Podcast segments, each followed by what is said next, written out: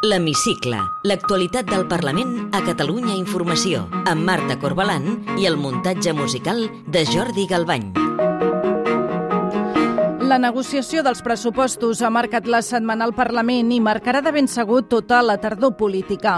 D'entrada, el govern de Pere Aragonès no ho tindrà gens fàcil per aprovar els comptes del 2022.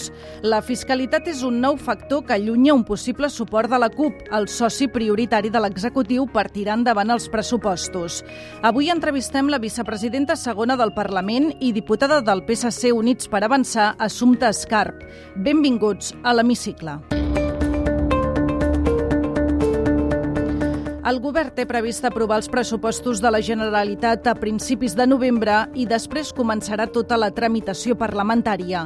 El conseller d'Economia, Jaume Giró, vol el suport de la CUP, però les posicions estan allunyades en fiscalitat. La diputada copaire Eulàlia Reguant proposa, entre altres coses, que s'incrementin els trams més alts de l'IRPF. En canvi, Giró planteja fer-ho a la inversa, ajustar els trams més baixos. Mentre no aconseguim i no arribem a un acord per una renda màxima, toca millorar la progressivitat de l'IRPF i així assegurar que l'esforç contributiu és per aquells qui més ingressen. On tenim marge, on podem col·laborar, és a l'IRPF, sobretot amb les trams més baixos. Treballem aquí. Simultàniament a la negociació dels pressupostos catalans també es negociaran els de l'Estat. Aquí la partida jugarà amb el PSOE, però també entre els socis de govern. El cap de files de Junts per Catalunya al Parlament, Albert Batet, insisteix a fer un front comú de l'independentisme a Madrid, però el president de la Generalitat, el republicà Pere Aragonès, esquiva la proposta. Els pressupostos són la palanca de pressió que no podem desaprofitar. Per això, des de Junts per Catalunya, considerem imprescindible actuar de manera coordinada, com diu l'acord de govern, amb tota la força. Tinguin propostes concretes, eh, veiem quines propostes concretes, eh, en el seu cas, doncs, creu que podem aportar en aquesta negociació i en base a propostes concretes crec que és com es pot treballar eh, per poder avançar. El debat sobre la seguretat ciutadana també ha planat sobre el ple del Parlament d'aquesta setmana. El cap de l'oposició, el socialista Salvador Illa, vol que es deixi clar que l'autoritat dels Mossos d'Esquadra no està en dubte. El president Pere Aragonès li ha replicat demanant que no faci de la seguretat un cavall de batalla polític. Li demano a vostè que s'acabareixi i que acabareixi d'una vegada i per totes que l'autoritat dels agents de l'ordre públic no està subjecte a desconfiança. Crec que faríem, ens faríem un favor tots plegats si no ens tirem la seguretat pel cap en aquest Parlament i molt més, que ara ens faríem un favor més gran si no ens tirem pel cap l'autoritat del cos de Mossos d'Esquadra.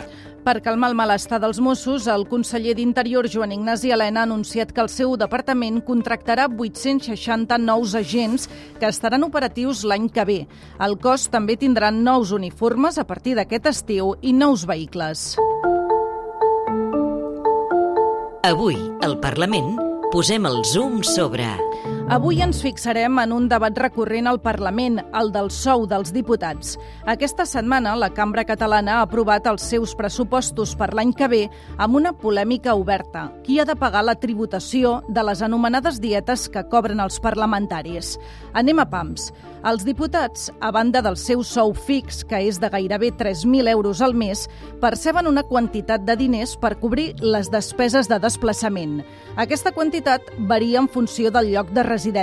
Per exemple, un diputat que visqui en un municipi de dins de l'àrea de Barcelona rep, en concepte de viatges, gairebé 17.000 euros l'any i un que visqui més lluny, posem per cas a la Vall d'Aran, en cobra prop de 24.000.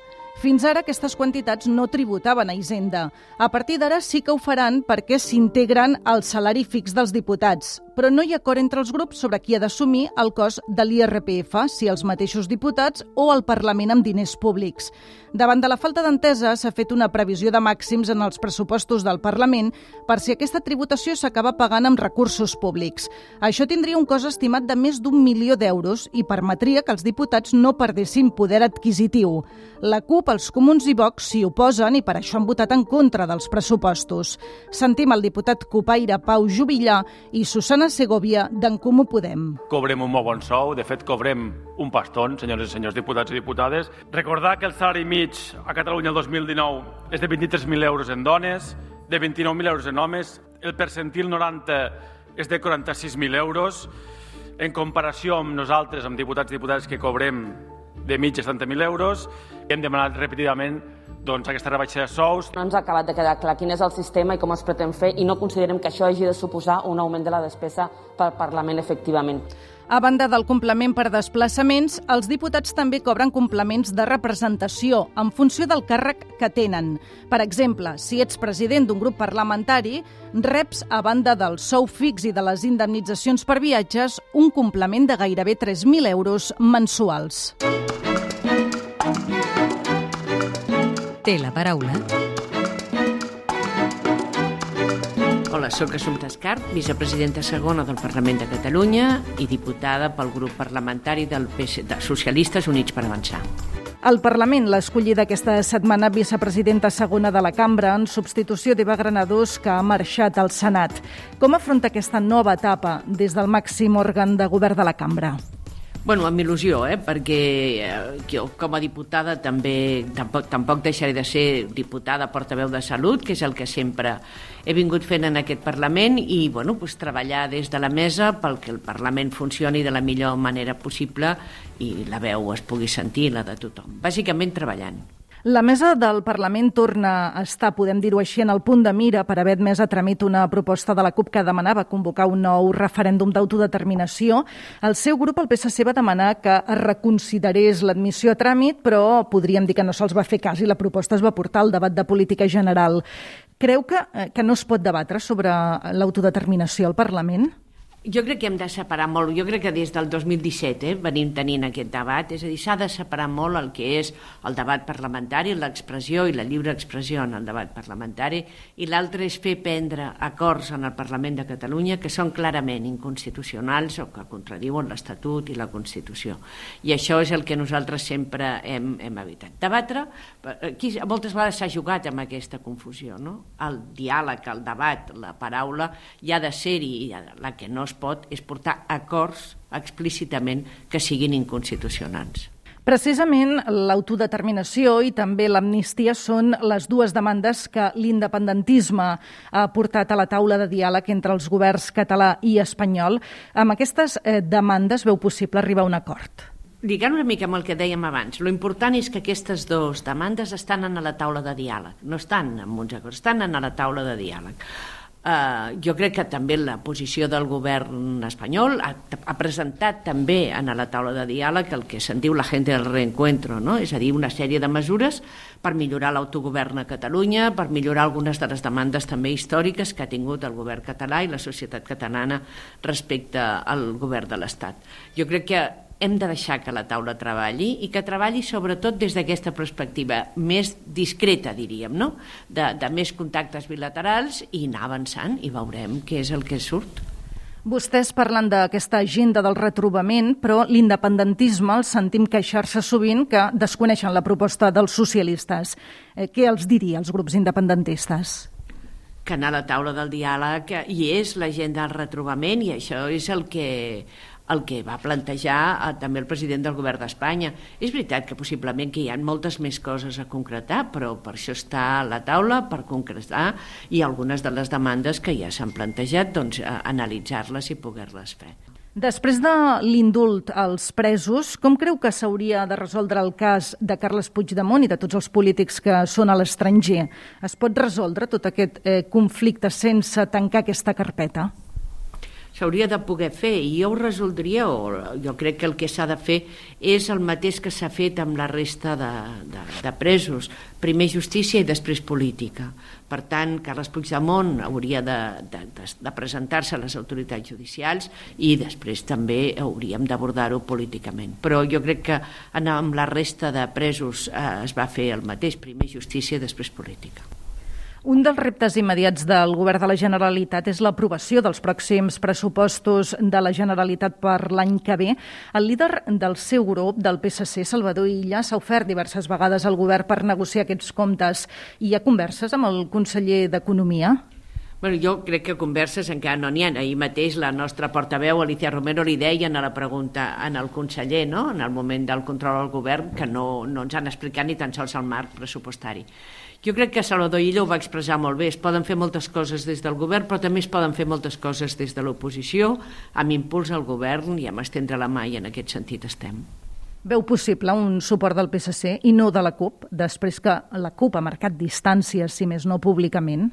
Jo no, ni ho veig possible ni ho nego, diguéssim. No? Jo crec que hem de veure els pressupostos i hi ha eh, molt clar un oferiment per part de Salvador Illa com a president del grup en el sentit de dir nosaltres som aquí, eh, ens ho han de dir vostès.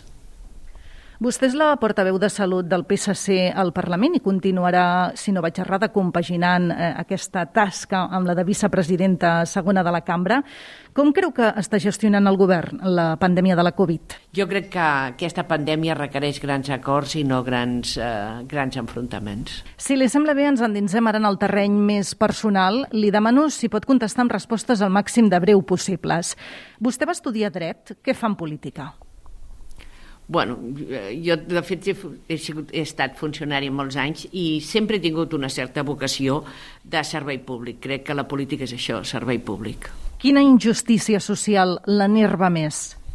L'increment de les desigualtats i sobretot que la desigualtat tingui moltes vegades rostre de dona. Aquesta setmana s'han aprovat els pressupostos del Parlament amb el debat obert sobre el sou que cobren els diputats. Creu que aquest sou s'ha de baixar, a pujar o mantenir? Jo crec que el que part d'aquest debat que hi ha és com regularitzem i com fem més transparent tot el sou dels diputats. Jo crec que no s'ha de fer demagògia amb el tema del sou, eh, s'ha de ser transparent i sobretot s'ha de fer amb acord i consens de totes les forces polítiques. Amb quin diputat o diputada que no sigui del seu grup compartiria una sobretaula distesa? Per exemple, amb en Ferran Roquer, que, de Junts per Catalunya. Quin és el seu paisatge favorit? El de la Cerdanya. Vostè té una llarga experiència en política municipal, ha estat vinculada durant més de 20 anys a l'Ajuntament de Barcelona. Tornaria a fer política municipal? Sempre. Digui'ns un defecte i una virtut. Un defecte, bueno, soc bastant, a vegades, una mica imperativa, diríem, eh? una mica mandona, diríem, bàsicament. Una virtut, treballo, m'agrada treballar i disfruto fent-ho. Sanitat pública o privada? Pública, sempre. I ja per acabar, completi la frase següent. El que més m'agradaria del món és... Que quedés un bon record de les coses que, que he pogut fer. Assumpta Escarp, vicepresidenta segona del Parlament i diputada del grup Socialistes i Units per Avançar, gràcies per atendre'ns a l'hemicicle de Catalunya Informació. Gràcies a vosaltres.